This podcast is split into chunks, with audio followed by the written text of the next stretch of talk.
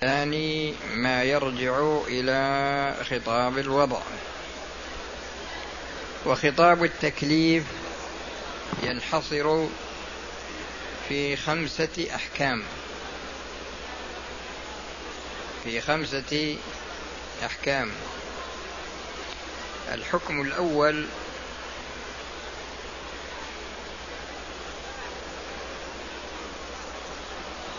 الإباحة.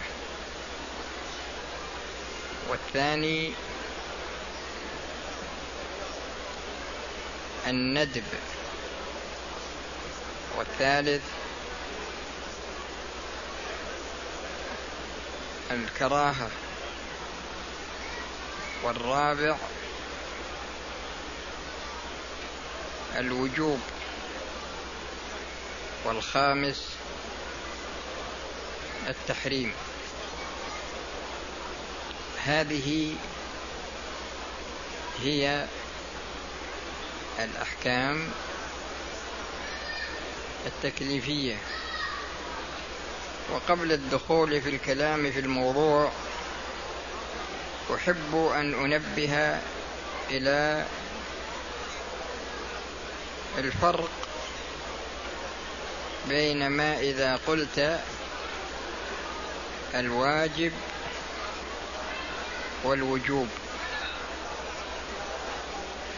أو تقول المحرم والتحريم لأن بعض الناس يطلق أحدهما بدلا عن الآخر. فالواجب هو المأمور به. والوجوب هو دلالة الأمر والمحرم هو الفعل مثل الزنا والتحريم هو قوله ولا تقربوا يعني النهي. وهكذا بالنظر للندب وهو الحكم. والمندوب هو الفعل. والكراهة الحكم والمكروه هو الفعل. والمباح هو الفعل والإباحة هي الحكم. فلا بد أن يتنبه الشخص إلى الفرق بين التعبيرين لكل حكم من الأحكام الخمسة بالنسبة للحكم وبالنسبة للمحكوم فيه. وكما سبق أن الخطاب أن الحكم ينقسم إلى قسمين خطاب تكليف وخطاب وضع وهذا هو القسم الأول وهو خطاب التكليف. ف والنوع الأول هو المباح. النوع الأول من أنواع خطاب التكليف الخمسة هو المباح. وذكر هنا المباح هذا بالنظر للفعل. أما الإباحة فكما ذكرت لكم هي الحكم. فالمسألة الأولى من مسائل من مسائل هذا الحكم تعريف الإباحة. تعريف الإباحة أو تقول تعريف المباح. فالمباح من حيث هو غير مطلوب الفعل ولا مطلوب الترك. يعني تقول المباح ما ما يستوي فيه جانب الفعل وجانب الترك. ما يستوي فيه جانب الفعل وجانب الترك. يعني إن فعلت أو تركت فهذا على سبيل السواء يعني أنه لا يترجح جانب الفعل على جانب الترك ولا يترجح جانب الفعل جانب الترك على جانب الفعل. والشاطبي رحمه الله توسع في الكلام على هذه المسألة من جهة الأدلة ومن جهة الاعتراضات وبإمكان طالب العلم الرجوع إلى ما ذكره لكن هذا الكلام الذي ذكرته لكم هو الذي يناسب لكم. آه المسألة الثانية من مسائل المباح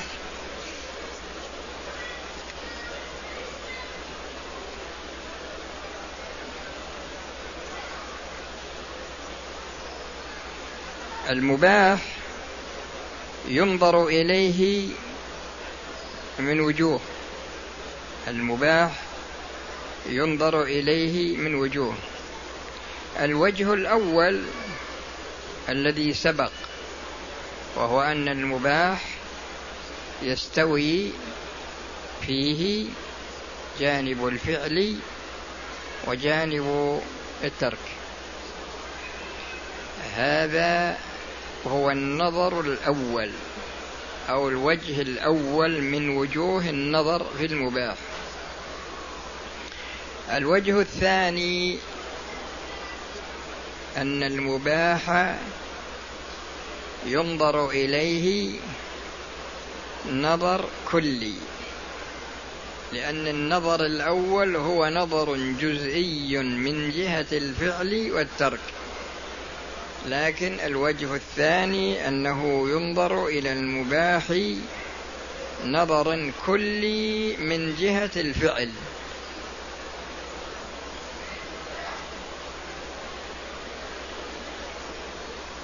وكونه ينظر إليه نظر كلي من جهة الفعل يعني من ناحية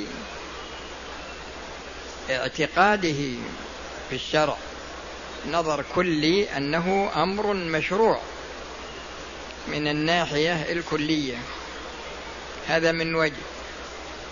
ولكنه لا ينزل منزلة الواجب من جهة المداومة على فعله. بل يفعل تارة ويترك أخرى. هذا هو النظر الكلي من جهة الفعل. الوجه الثالث النظر الكلي من جهة الترك. فلا ينزل منزلة الحرام بمعنى أن الشخص لا يستمر على تركه. لا يستمر على تركه. هذا هو الوجه الثالث.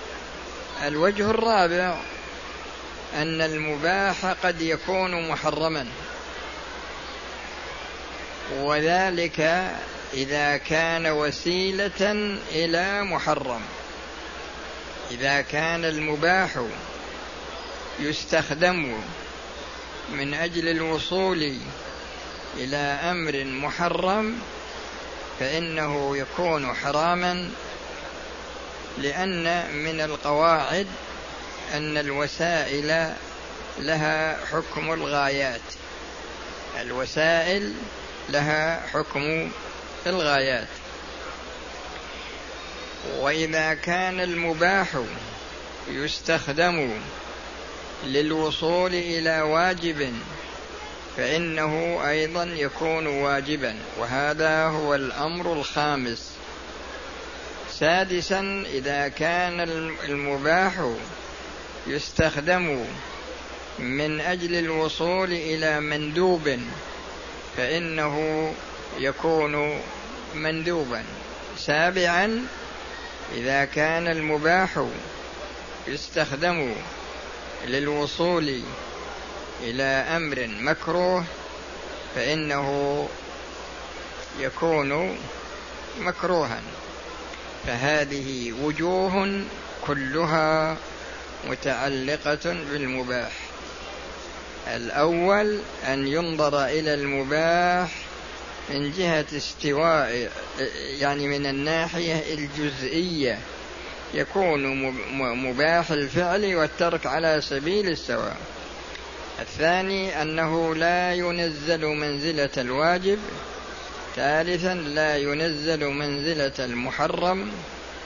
رابعا لا ينزل رابعا يكون محرما إذا كان وسيلة إلى محرم ويكون واجبا إذا كان وسيلة إلى واجب ويكون مندوبا إذا كان وسيلة إلى مندوب ويكون مكروها إذا كان وسيلة إلى محرم. ويكون مكروها إذا كان وسيلة إلى مكروه. المهم أن الأحكام الأربعة التي هي الواجب والمحرم والمكروه والمندوب يكون المباح يأخذ حكم كل واحد منها إذا كان وسيلة إليه. وهكذا تقرؤون ما ذكره المؤلف رحمه الله لكن هذا هو حاصل الكلام على هذا.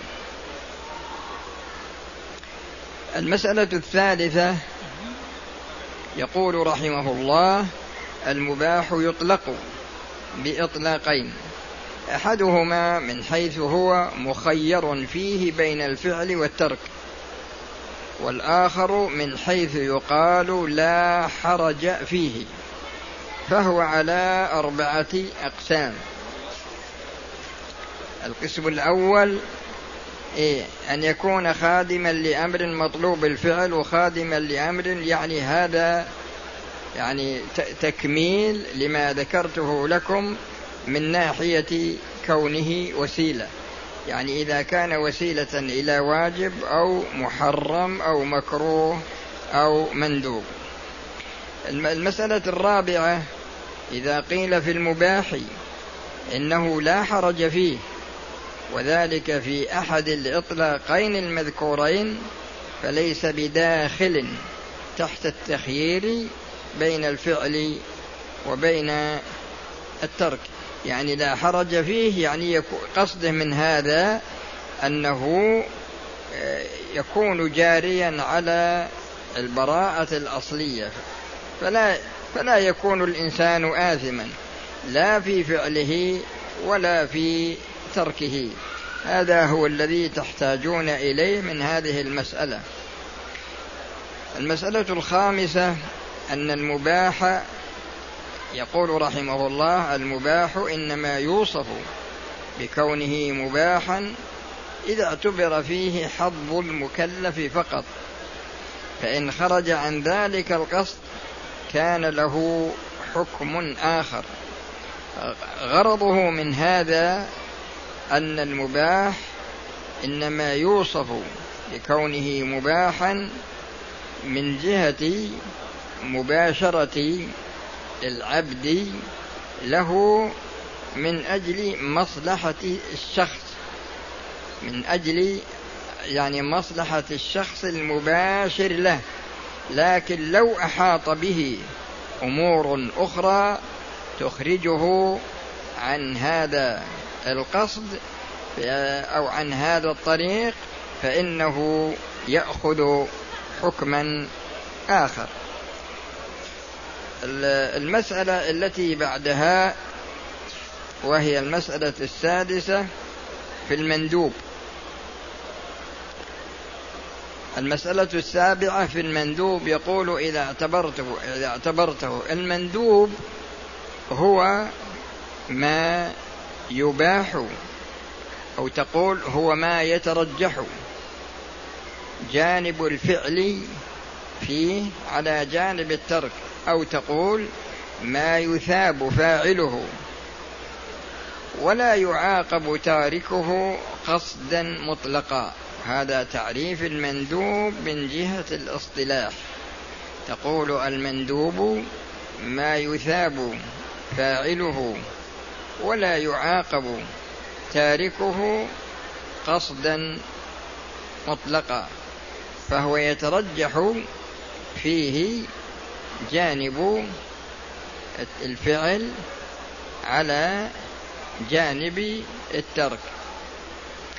وينظر إلى المباح من وجوه أيضا كما سبق يعني من وجوه سبعة.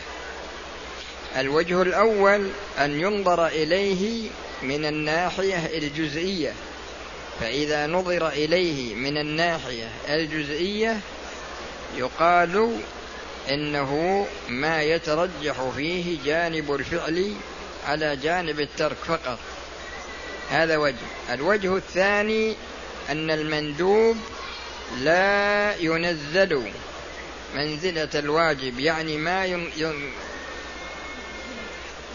بمعنى أن الشخص لا يداوم عليه كما يداوم على الواجب فلا ينزل منزلة الواجب ولا ينزل أيضا منزلة الأمر المحرم.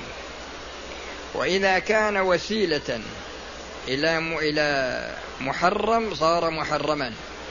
وإذا كان وسيلة إلى واجب فإنه يكون واجبا.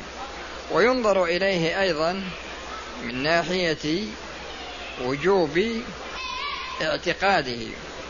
فعندما تنظر إلى المندوب تنظر إليه من هذه الوجوه يعني من الناحية الجزئية من الناحية الكلية فعلا من الناحية الكلية تركا من ناحية كونه وسيلة إلى واجب أو وسيلة إلى محرم وإذا كان وسيلة إلى مكروه انقلب إلى كونه مكروها وإذا كان وسيلة إلى مندوب فإنه لا يخرجه عن عن يعني عن معناه. اللي بعدها المكروه يعني وهذا ذكره فصل.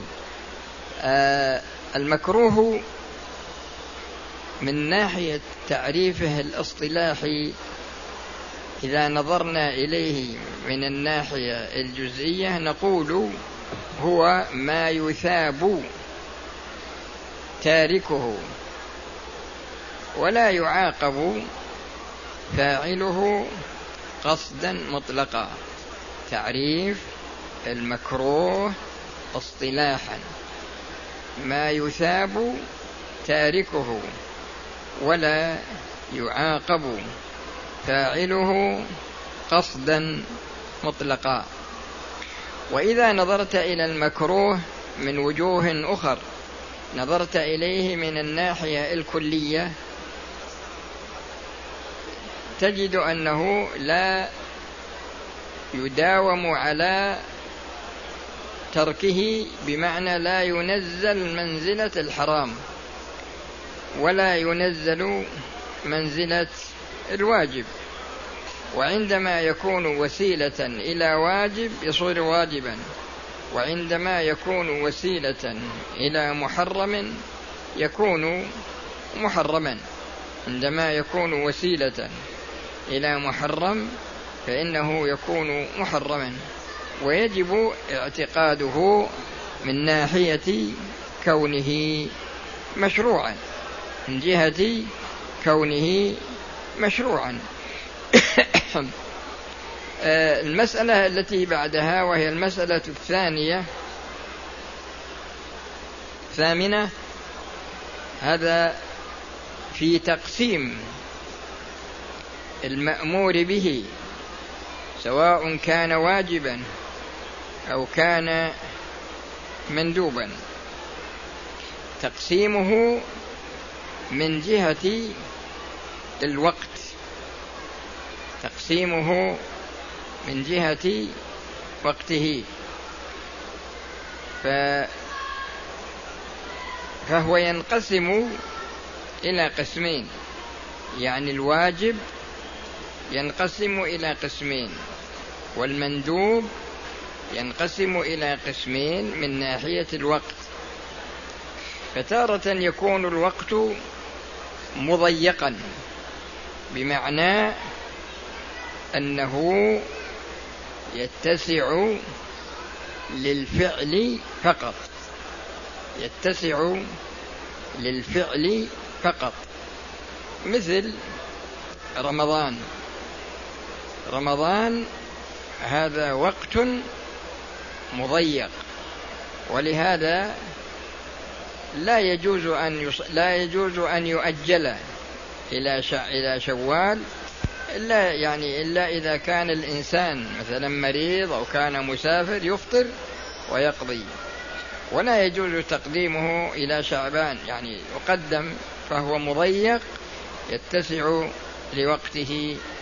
ولا يجوز للإنسان أن يتنفل الصيام في أيام رمضان ولا يجوز أن يقضي أياما سابقة عليه فهو مضيق لا يتسع إلا إلى الأمر المشروع. ويكون الوقت موسعا مثل أوقات الصلوات الخمس. فأوقات الصلوات الخمس صلاة الظهر من زوال الشمس حتى يكون ظل كل شيء مثله مع فيء الزوال.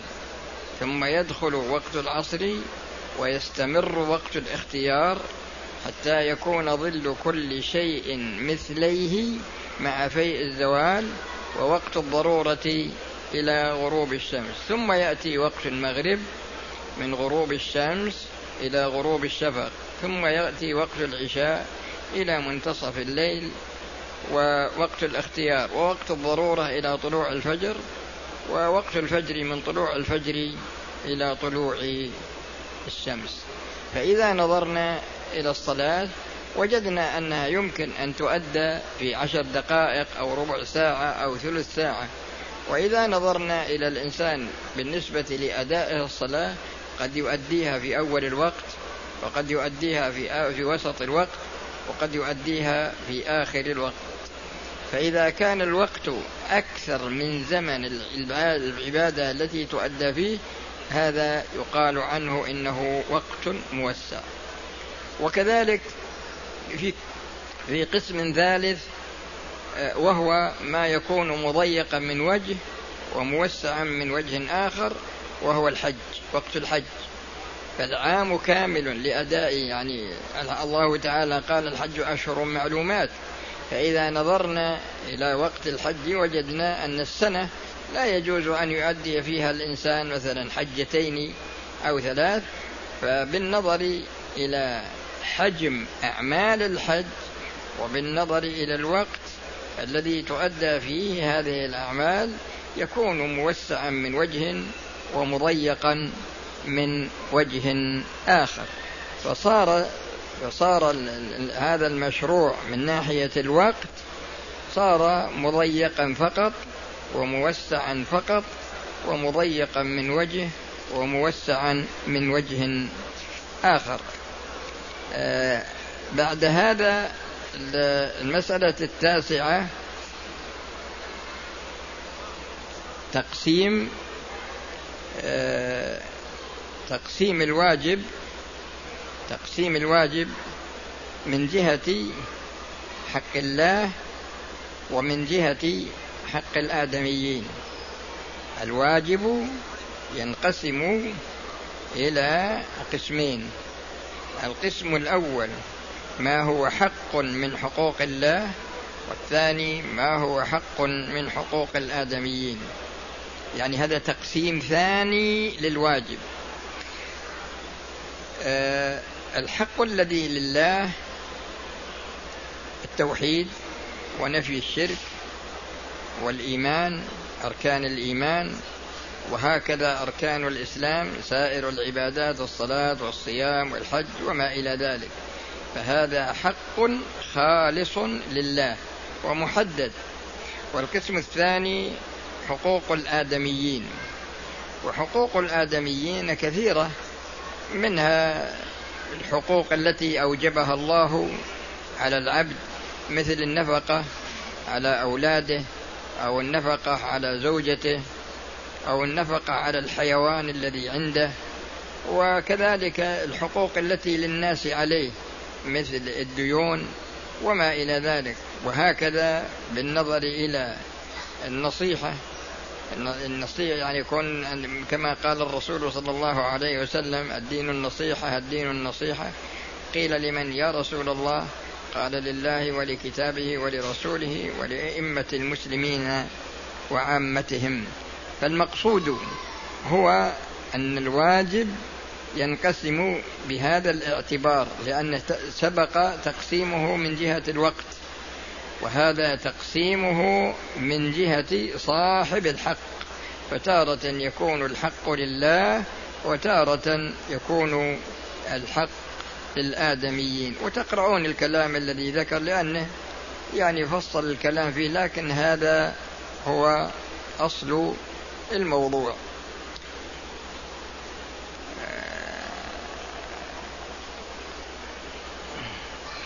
والمسألة العاشرة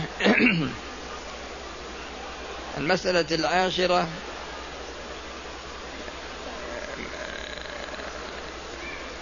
هي مسألة دائرة بين الحلال وبين الحرام وهي مرتبة العفو. وهذه تحتاج إلى شيء من التفصيل. وستكون إن شاء الله مبدأ الدرس القادم في مثل هذه الليلة من الأسبوع القادم. والحمد لله رب العالمين وصلى الله وسلم على نبينا محمد وعلى آله وأصحابه أجمعين. وإذا كان عند أحد سؤال بإمكانه أنه يسأل.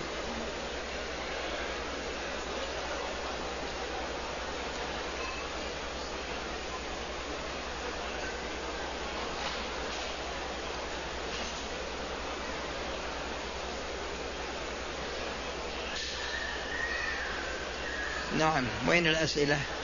ولا ما في شيء؟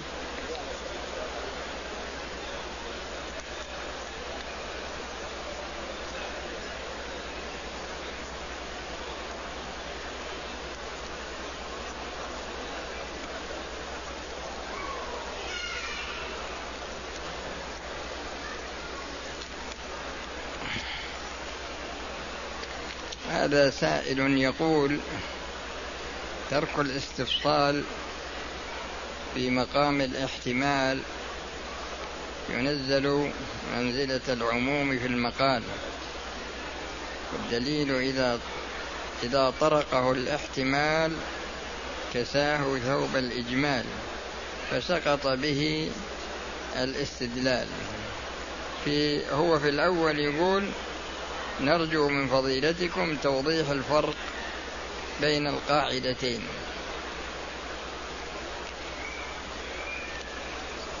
الجواب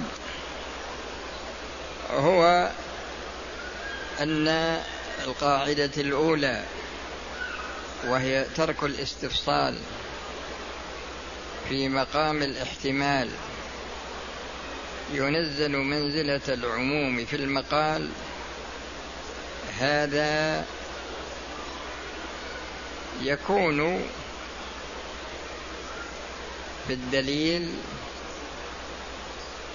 الذي صدر من الرسول صلى الله عليه وسلم حينما يكون له سبب يعني من المخلوقين فهذا بين الرسول صلى الله عليه وسلم وبين آه، وبين المكلفين.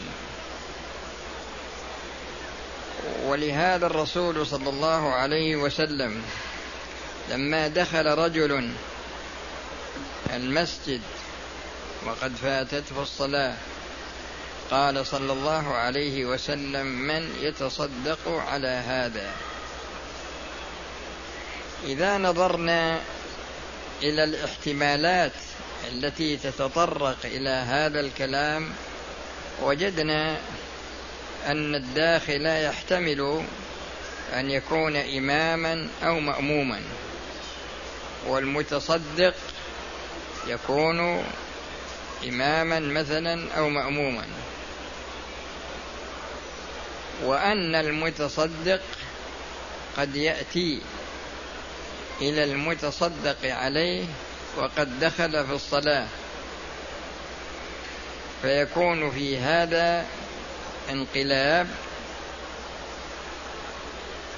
نية الانفراد إلى نية الإمامة. إلى غير ذلك من الاحتمالات. والرسول صلى الله عليه وسلم ألقى الكلام على هذا الوجه بالنظر إلى أن جميع هذه الاحتمالات كلها صالحة ولهذا لم يقل لمن فاتته الصلاة انتظر حتى يأتي أحد يصلي معك ولم يقل لمن يريد